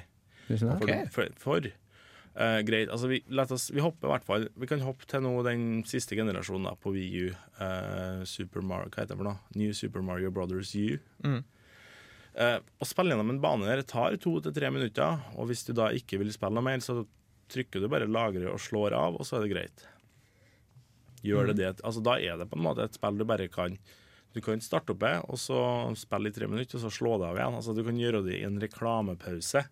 Du kan ta med deg dere, dere brettet og spille det på do, hvis du vil. Altså den gamepaden. Ja, Ja. stemmer det. Ikke Ja. brettspill, eller? Det er veldig Nei, nei, nei, men altså ehm, eh, Men samtidig så føler du Du får jo litt mer tilfredsstillelse når du har runda hele spillet, enn hvis du bare tar og spiller level 1, 1 og 1, 2. Jeg vil si Super Mario var ikke et småspill når det kom ut. Men kanskje det har blitt et småspill i ettertid. Jeg tror det har mye å si på, på teknologien som fant seg. På grunn av at eh, når, man, når man spilte Super Mario 3 eller Super Mario 1, eller 2 for den del, eh, kom litt i feil rekkefølge her, eh, på, på Nes, når det var det store, når det var current så, så kunne man, Det var ikke noen lagringsfunksjon. Man måtte på en måte bare la systemet stå over natta hvis det skulle fortsette på det dagen etterpå. Men tenker du da at et, et småspill pusher ikke teknologiske grenser? Altså et spill som pusher teknologiske grenser, er per definisjon ikke et småspill? Nei, jeg tenker at et småspill skal ha veldig eh, Det skal være det totalt motsatte av en rogelike. At det har muligheten til å lagre hele veien underveis. Et småspill skal det? Ja, For jeg tenker, ja, men Hva med et spill som ikke har noen state overhodet? Et, et eh, spill som Altså hvis det Som du starter opp, og så starter du på en måte bare spiller du det i to minutter, og så er det ingenting som blir lagret. Og så neste gang du Altså, Men har du et eksempel på et sånt spill? Altså mange, sånne, sånn, mange sånne minesveiper, for eksempel. Nei, Du lager jo ikke en, en minesveiperunde til neste dag. Nei, fordi det men- er Nettopp fordi det er et småspill. Men du lager, jo fordi- fortsatt, du lager jo fortsatt highscoren fra tidligere Ja, minesveiper. men må, Jo, men- du må jo ikke det. Men jeg tenker at jo, men highscore tenker jeg er ofte et tegn på et småspill. Ja. Fordi du gjør den samme tingen igjen og igjen, altså, eller med små variasjoner. da Minesweeper eller Kabal, du starter på ulike måter, men du gjør den samme tingen igjen og igjen. Så prøver du å bli bedre på akkurat den samme tingen. Og så får du en større high score Men den belønninga, det er jo på en måte Det er en annen type belønning da, kan du si, enn det du får fra et svært spill. Jeg vil si at type ja, Minesweeper eller Kabal er de reneste formene for småspill. Men eh, når det gjelder sånn Vi har snakka litt en del om belønning og sånt i spill. Da har du på en måte to forskjellige typer belønninger. Du har vel sånn in intrinsic, på en måte. Belønning i, å, i, i det å spille i seg selv. Liksom i uh, det du trykker på knappene og hopper og spretter og sånt. Og så er det på en måte litt sånn ekstern uh, belønning. Som eh, da er mer rundt selve handlingen, da. Selve spillmekanikken. For eksempel 'gratulerer, du har nå gått opp i nivå'. Eller eh, så- Achievements. achievements også. Ja. Men jeg føler på en måte ikke at det er rettferdig å si at dette er et småspill, eller dette er et sånn stort spill i forhold til Jeg tror kanskje det blir mer definisjonen på et arkadespill. Ja. At et arkadespill er mer dominert av type dette high, high score, eh, korte runder og sånne ting. Eh, men er det Jeg tror arkadespill befinner seg under småspillsjangeren på mange måter. Jeg Tror det? Men at det ikke Altså, de fleste arkadespill er et småspill, men ikke alle småspill er et arkadespill. Kanskje. Jo, jo mer vi snakker om det her nå, jo mer innser jeg at små spill er en veldig stor Takk, takk, takk. En veldig stor eh, kategori. Eh, altså, det er veldig mye som faller under fanen små spill. Mm. Eh, jeg tenker, Er det noen som kommer på et spill til mobiltelefon som ikke kan defineres som et småspill? Uh, out there. Ingress. Du har vel eh, Final Fantasy har blitt uh, Flere versjoner har kommet til mobil. Teller, teller uh, konsollspill som har blitt flyttet til mobil som et mobilspill? Du får jo GTA San Andreas også på mobil, for eksempel. Men jeg føler ikke det helt heller. Nei, altså du får jo Du kan jo på i hvert fall på alle Android-telefoner Så kan du laste en emulator og bare peise på med hva du vil. OK, så ikke bare, Men, bare, men, men Out There er et uh, mobile first-spill som jeg anmeldte for en stund siden. For uh, kan kanskje linke den. Men det er Vi kan kanskje snakke mer om mobilspill senere, men det vil jeg si at det er liksom de beste mobilspillene. Og jeg kan si hvorfor. Du lytter til Nerdeprat fra Radio Revolt. You're listening to Nerd Talk from Radio Revolt. Nerd Talk from Radio Revolt. Radio Revolting. Nei. Nei, nei, nei det, Det er vi ikke. Nei, vi er veldig fine her vi sitter i studio. Du hører fortsatt på nerdeprat, som det ble sagt her. Heldigvis er det ikke like mye ekko i studio her som det var når dere tok opp det her på The Gathering, Torben. Det er kanskje litt av poenget, til og med. Altså, det er, Ja, at du det er- en det er sånn laget. kontrast. Ja. Ja. Nei, jeg tenkte radiostudio er liksom laget for å ikke ha ekko. ja, sånn ja. ja. Men det er jo en veldig fin kontrast mellom at det er ekko og ikke ekko, og akustikk og ikke akustikk. Så hva var det vi skulle diskutere, da? Nei, det er jo ikke det. Eh, jeg, er, er fortsatt heter jeg Anders, og jeg, rundt meg har jeg tre oppgitte folk som heter Torben, Andreas og Benedikt. For vi er fortsatt ikke helt enige om hva et småspill er for noe. Og, Vi er vel stort sett mer forvirret nå enn vi var før vi prøvde å diskutere det. Når jeg kom inn, så hadde jeg en veldig god idé om hva det er, men nå jeg vet, jeg, vet ikke helt om jeg vet hva et spill er lenger. Hva er spill? Hva er egentlig spill. Er alt et spill? Livets spill? Please. Er det et småspill? Gi deg. Slutt. Hva hvis jeg ba, slutter Det må jo være et storspill. Hva hvis jeg slutter å spille dette spillet? Skal jeg, jeg, jeg, jeg kan jo bare myte Der, der er uten døra. Oh, tusen Han, han prøver å snakke veldig på sida her, altså, men han Nei, det var veldig lurt at du myta han nå. Men nei, vi, vi slipper han til igjen. Okay. Nå prøver jeg det som humoristisk effekt, og liksom Ja. bevege munnen min uten å lage lyd. Men så innså jeg at det har veldig lite for seg på radio eh, å gjøre slike ting. Um, og vi, har ikke, vi, vi, vi rakk ikke å få opp videokamera heller. Nei. Søren klype! OK. uh, Ja, Ja, vi- Småspill. småspill. Uh, vi har vel på en måte etablert at det er en ting du kan ta opp en liten stund og bli underholdt av det der og da, Ja. og så kan du legge det fra deg igjen. Er det noe eh, er noen settinger dere ser for dere at det kan lønne seg å ha tilgang til småspill på? Eh, hvis man kjeder seg på bussen mens man er på do. Ja. Eh, mest når man sitter på do. Det er litt verre å spille på mobilen, eksempel. Jeg tror det er det. Prøvde å liksom lure oss fram til mobilen. Snike oss fram til mobilen. Eh, litt vanskelig mens du tisser, hvis du er gutt. Spesielt hvis du er, står i et sånn pissoar og det står flere folk på sida. Man kunne, Da kan, du ha, man, da kan du ha et mobilland. ja, men det, det betyr at sånn mobilholdere til urinalet, sånn du kan legge mobilen din der. Og så bare kan du liksom Hvis du strammer riktig, så kan du kjøre no hands, ikke sant? Nei, men seriøst, når jeg er på, på sånne toalett, så vasker jeg fingrene etter at jeg har åpna døra igjen. også. Så jeg ville ikke bruke den mobilholderen, altså. Innså det akkurat. Ja. Ja, Mm. ja. Men, men altså, det er jo det er noe i det du sier her, at det er sånne eh, Det er når man vil bli underholdt i veldig sånne korte S- Sesjoner. Intervaller. Ja, ja, intervaller, eller Ja, jo, stemmer det. Intervaller var et veldig godt ord. Tusen takk. Um, det er jo når man blir underholdt over sånn, ja, i korte intervaller. Og, at det, og at det kanskje er kort fra du begynner å spille til du har det gøy. Ja. Noen spill er liksom Du må liksom komme i gang.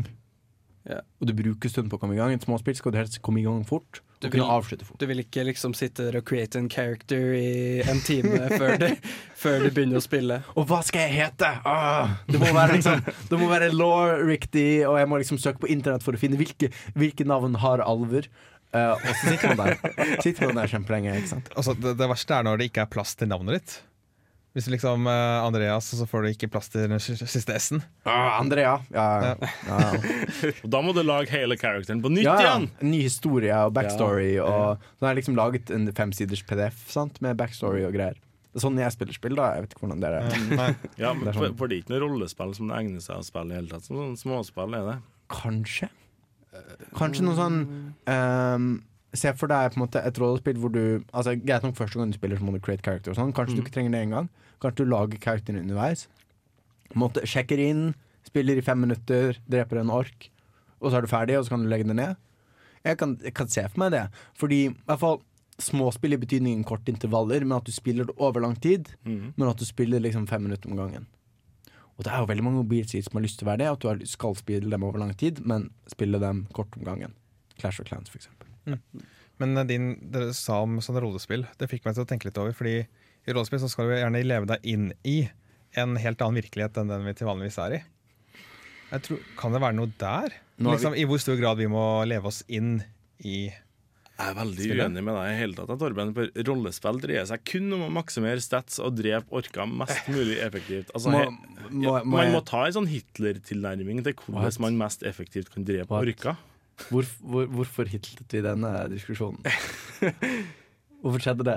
Nei, eh, men jeg tenker, dette er jo litt det vi har snakket Vi har hatt eh, vår spesialepisode om sjanger, hvor vi diskuterer rollespill spesielt, og på en måte hvor utvannet det begrepet er. Det trenger vi kanskje ikke gjøre en gang til. Nei. Vi kan linke til den episoden òg. Ja. Snart må vi bare linke til alle er episoder vi den store noensinne kavalkadeepisoden. ja, Ja, ja, ja, ja. Men eh, nå, nå virket det som jeg skulle si noe mer. Men, Men, men det som datt opp i hodet mitt nå, i det du satt og prata litt i stad, eh, eh, at en del mobilspill prøver å bli sånne spill du bare kan spille litt. Inni det. Eh, da datt jo den jævla oransje logoen til King eh, fram. Og det er jo dem som har Candy Crush Saga, Candy Crush Soda Saga, Bubble Witch Saga. Bubble Witch Saga, Saga, saga, saga. Sagaen om isfolket. Helligmyrsfolket saga. Nei. Nei, men altså, der har du jo Her har du et spill som er ganske Du kan jo bare ta opp og spille i ett minutt. Ja, og, Men men Men her er det jo faktisk Her blir det jo litt knytta til det underveis, tenker jeg, av at det faktisk er åpna for, eh, for mikro, mikrotransaksjoner.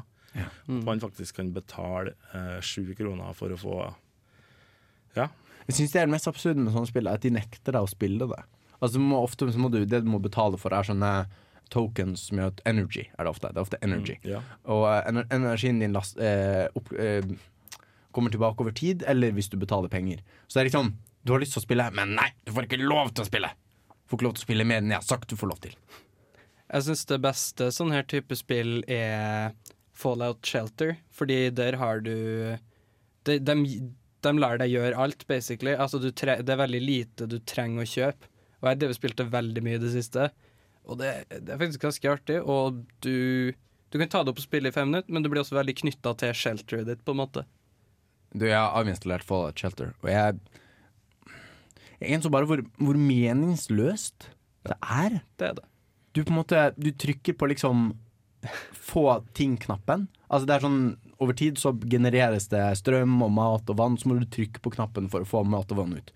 Akkurat sånn som i Farmville, hvor du skal trykke. Og det er liksom, Jeg gjør ingenting, jeg gjør ingen interessante valg. Jeg bare trykker på knappen, få tingen-valg. Og du må sjekke innom veldig ofte, hvis ikke så bare dør alle. Jeg, det, er, det er ingen det er ingen, ironisk nok, ingen Du graver deg dypere og dypere, men det er ingen dybde. Men, men du skal jo ta vare på ting. Og da tenker jeg at noe, et spill som faktisk er bitte lite, både fysisk og i sånn tid som kreves, men som samtidig krever at du skal ta vare på ting, det er jo datadyr.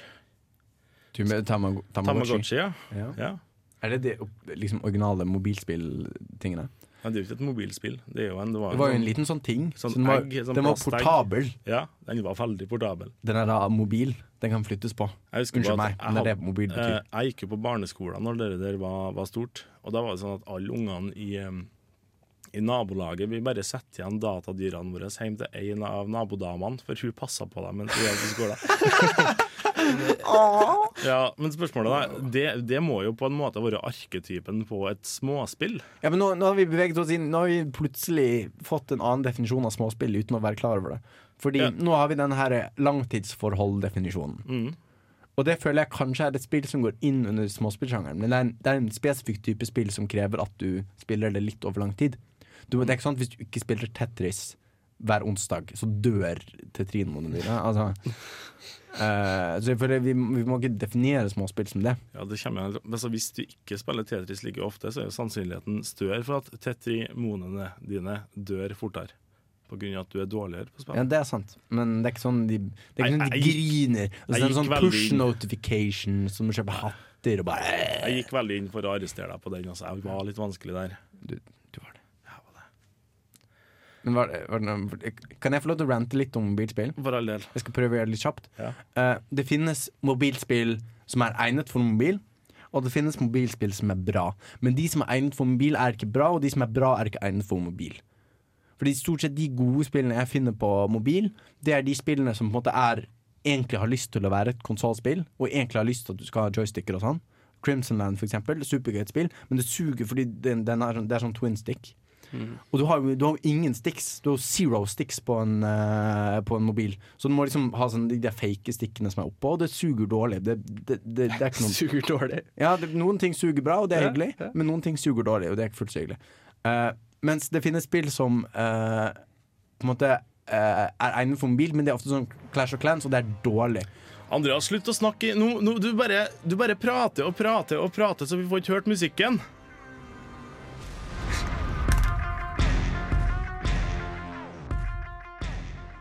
Dab, dab, dab, dab, dab, dab. Dab, dab, dab, dab, dab, dab. Dab, dab, dab, dab, dab, dab. Dab, dab, dab, dab, dab, dab. Når det prater på DAB-radio. DAB-DAB-DAB-DAB. Ja, greit. Velkommen tilbake igjen. Nå har Andreas endelig slutta å snakke. Han snakka halvveis ut i siste låt, som ja. for øvrig var uh, 'Welcome to Planet Earth' av Riot Games. Jeg, jeg innså først det ordspillet når du sa det høyt. Planet Earth. Planet, ah, Earth. Planet Earth. Planet Earth. Det er liksom nesten Earth. Ja, men, men Wow. Earth er den uh, manatien som du hører i bakgrunnen på hele låta. Ja. Manatee med et navn. ja. Sjø, manatee det er sjøku, er det ikke? Sjøku, ja. Mm. Ah. Jeg kaller det sjøku hvis man kan. Heter de Dagros, de òg? Du er ikke programleder engang, men jeg klarer likevel å liksom få denne sendingen ut på vidden. Tema for i dag sjøku. Nerdeprat forteller deg alt du trenger å vite om sjøku. Sjøku. Det må være en spesiell ekstra lang episode, i så fall. Det er ganske mye å vite om sjøku. Sjø, sjøkyr? Sjø, Men, men sjø, sjøfe? altså, sjøku sammenligna med vanlig ku, de er litt mer små. Segway. Er de det? De er kanskje det. Ikke ødelegg Segwayen. Jeg må bare gi applaus for den. Uh, Ja, tusen takk. tusen takk Ja, Vi lett å si at sjøkuene er mindre enn vanlige kuer, og det er det samme med spillene vi diskuterer i dag. De er mindre enn vanlige spill. Men på hvilken måte? Ja, og det har vi snakka oss i hjel om allerede. Altså, Vi måtte bare kutte ut Andreas, for han ville ikke slutte. å Har? Det var, det var litt godt egentlig å bare ta av seg headsetet idet vi satte på, setter på ei låt, så jeg slapp å høre Andreas noe mer. Men så er jeg jo fanga i samme rom som en her, midt, i, midt i Trondheim sentrum, så det er litt sånn Og Anders er nærmere døren enn deg. Så hvis du prøver å flykte, så kan jeg liksom Ja, Ja. unnskyld. Um, jeg snakka jo- jeg snakka jo litt om hun eh, nabokona til oss som passa på tamagotchiene våre eh, mens vi var på skolen.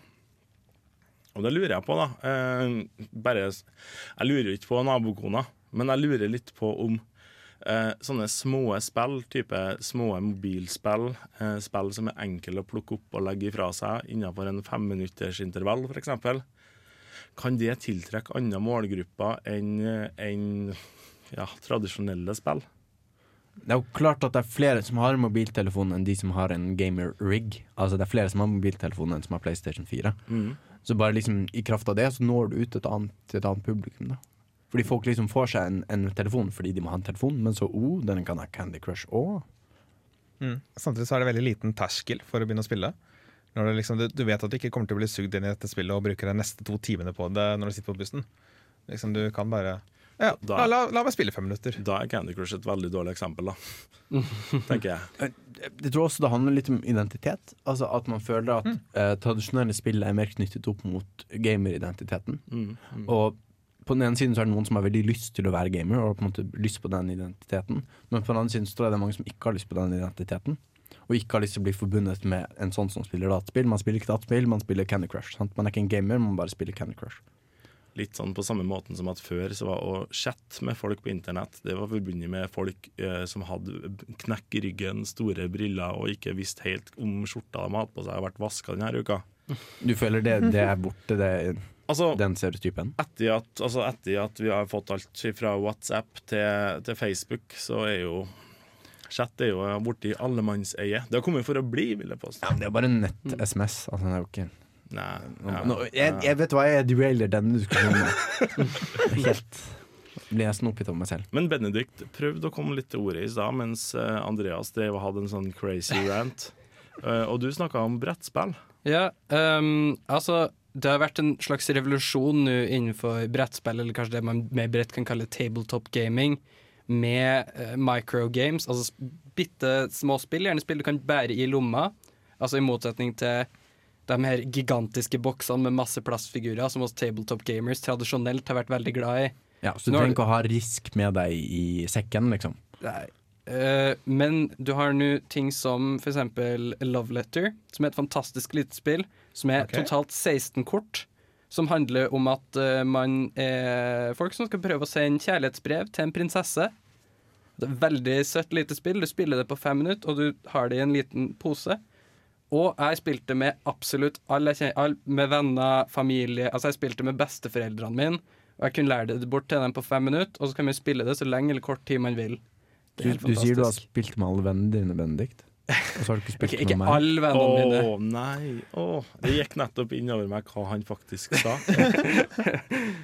Så, så har du også ting som Coup, som er et sånn bløffespill.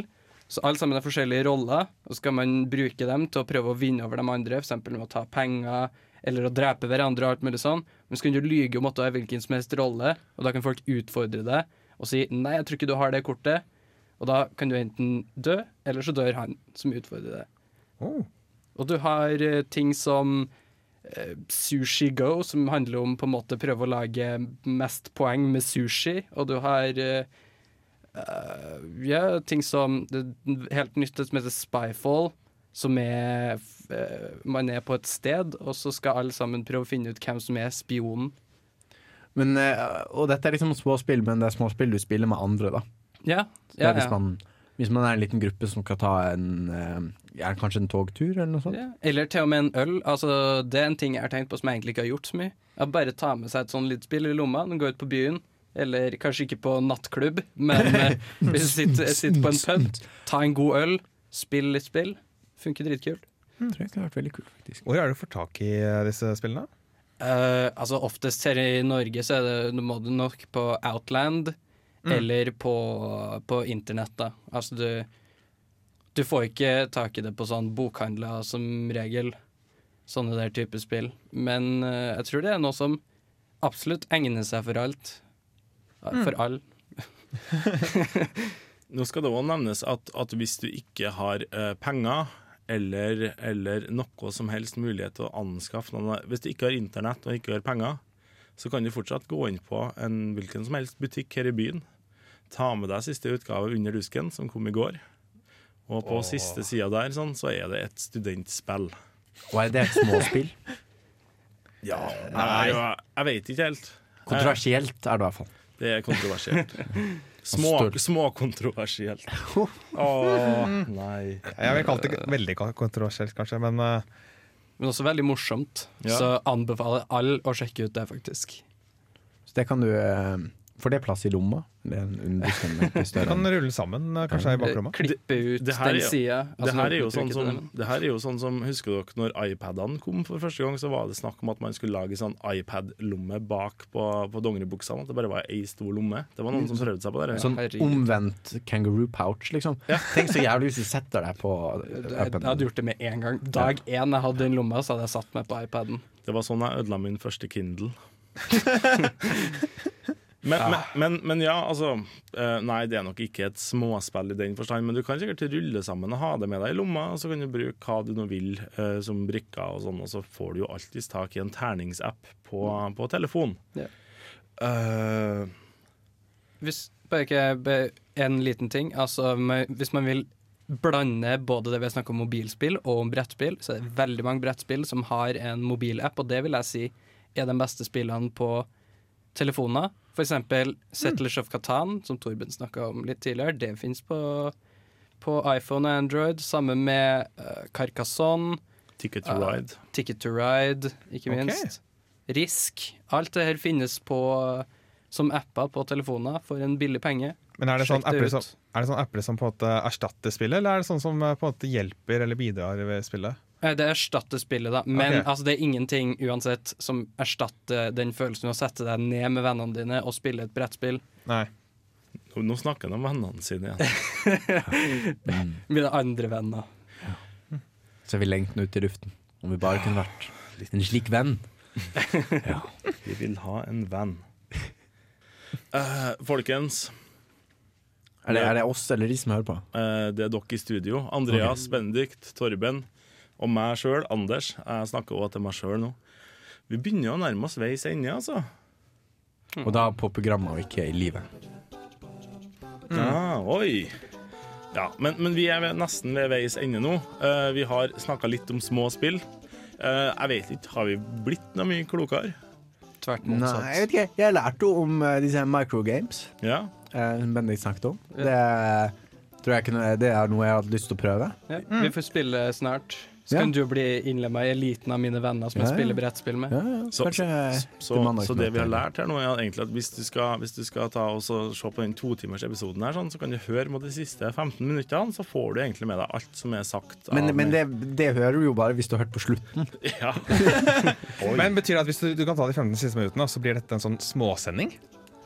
Eller, eller, eller, eller vi kan starte uh, Hva heter det? nå? In medias race? Altså vi starter med avslutninga når vi klipper podkast. Det er retrospektivt. Retro- medias race er bare midt i handlingen. Ja, ja, stemmer. Ja, stemmer. Jeg vet ikke, jeg. Nei, jeg- for det jeg skulle si noe Jo, vi har, snakket, vi har også hatt nyheter i dag. Ja. Vi snakket om dette eh, YouTube sitt nye gamingkonsept. Mm. Og det er faktisk i kveld. Så hvis du går på eh, Jeg leser bare klokken syv. Jeg regner med det er liksom eh, oversatt til norsk tid. Så hvis du går inn på gaming.youtube.com klokken syv i kveld, så Det vil si burde det om være noen åtte minutter. er Ja! Vi er jo ferdig klokken syv. Så hvis du kan gå rett herfra, hvis du hører på stream, så kan du gå rett herfra, og så kan du gå på uh, gaming.youtube.com, og så kan du se om det er noe magisk som skjer der. Åpne det i nabofanen. Ja. Du skal ikke legge ned denne fanen. Den skal da åpne litt til. Stemmer. Eh, har vi noe å si om neste sending? Ja, vi, vi drev og diskuterte litt her. Ja. Eh, vi, denne sendinga skulle jo egentlig være en Metal Gear Solid-sending. Ja, Det burde vi kanskje sagt i, i starten, sånn at folk ikke ble Folk som liksom har ventet på Metal Gear Solid. Bare når?! så, så de siste ti sekundene skal handle om Metal Gear Solid. Metal Gear Solid, Klassisk småspill der, altså. Nei, um, det vi fant ut var at Metal Gear Solid blir utslippet før eh, 1. eller 2. september. Litt Første. usikker. 1. september, ja. Eh, så da er det egentlig ikke noe mye annet å snakke om det enn å høre at, eh, at Chris snakker både på inn- og utpust om spillet. Og, og Chris er ikke her i dag. Så da syns vi at det er mye bedre å vente eh, med Metal Gear Solid til Chris faktisk sitter her i studio og roper om Metal Gear Solid og Solid Snake og alt det andre som finnes i det universet. Jeg gleder meg. Jeg heter Anders. Eh, Du har hørt på Nerdeprat de siste to timene. Sammen med meg i studio så har jeg Andreas, Benedikt og Torben T-Bone. Yeah! Yeah! Nå avslutter vi hele sendinga med å høre eh, artisten Ratatat med 'Nightclub Amnesia'. Jeg oppfordrer dere òg til å sjekke ut alle podkastene vi har snakka om tidligere i sendinga, og følge oss på Facebook, der vi heter Nerdeprat. Ha en fortsatt fin kveld, og gå inn på eh, Hva var det igjen? Gaming. Gaming.youtube.com. Om seks minutter. Om sek, eh, fem minutter og 45 sekunder fra nå. Fire sekunder. Eller, eller akkurat nå, hvis du hører dette på podkast. Ja, Og hvis du hører dette på podcast, så vil jeg også oppfordre deg til å gi en anmeldelse på iTunes. Da har det faktisk skjedd tidligere i tida. Ja, ja, ja. Dæven, vi snakker om fortiden. Oi. Men eh, nå skal vi eh, Nå må vi avslutte. Ja, vi må gjøre det. Ha det godt, alle sammen. Ha det bra. Ha det. Ha det bra! Hei.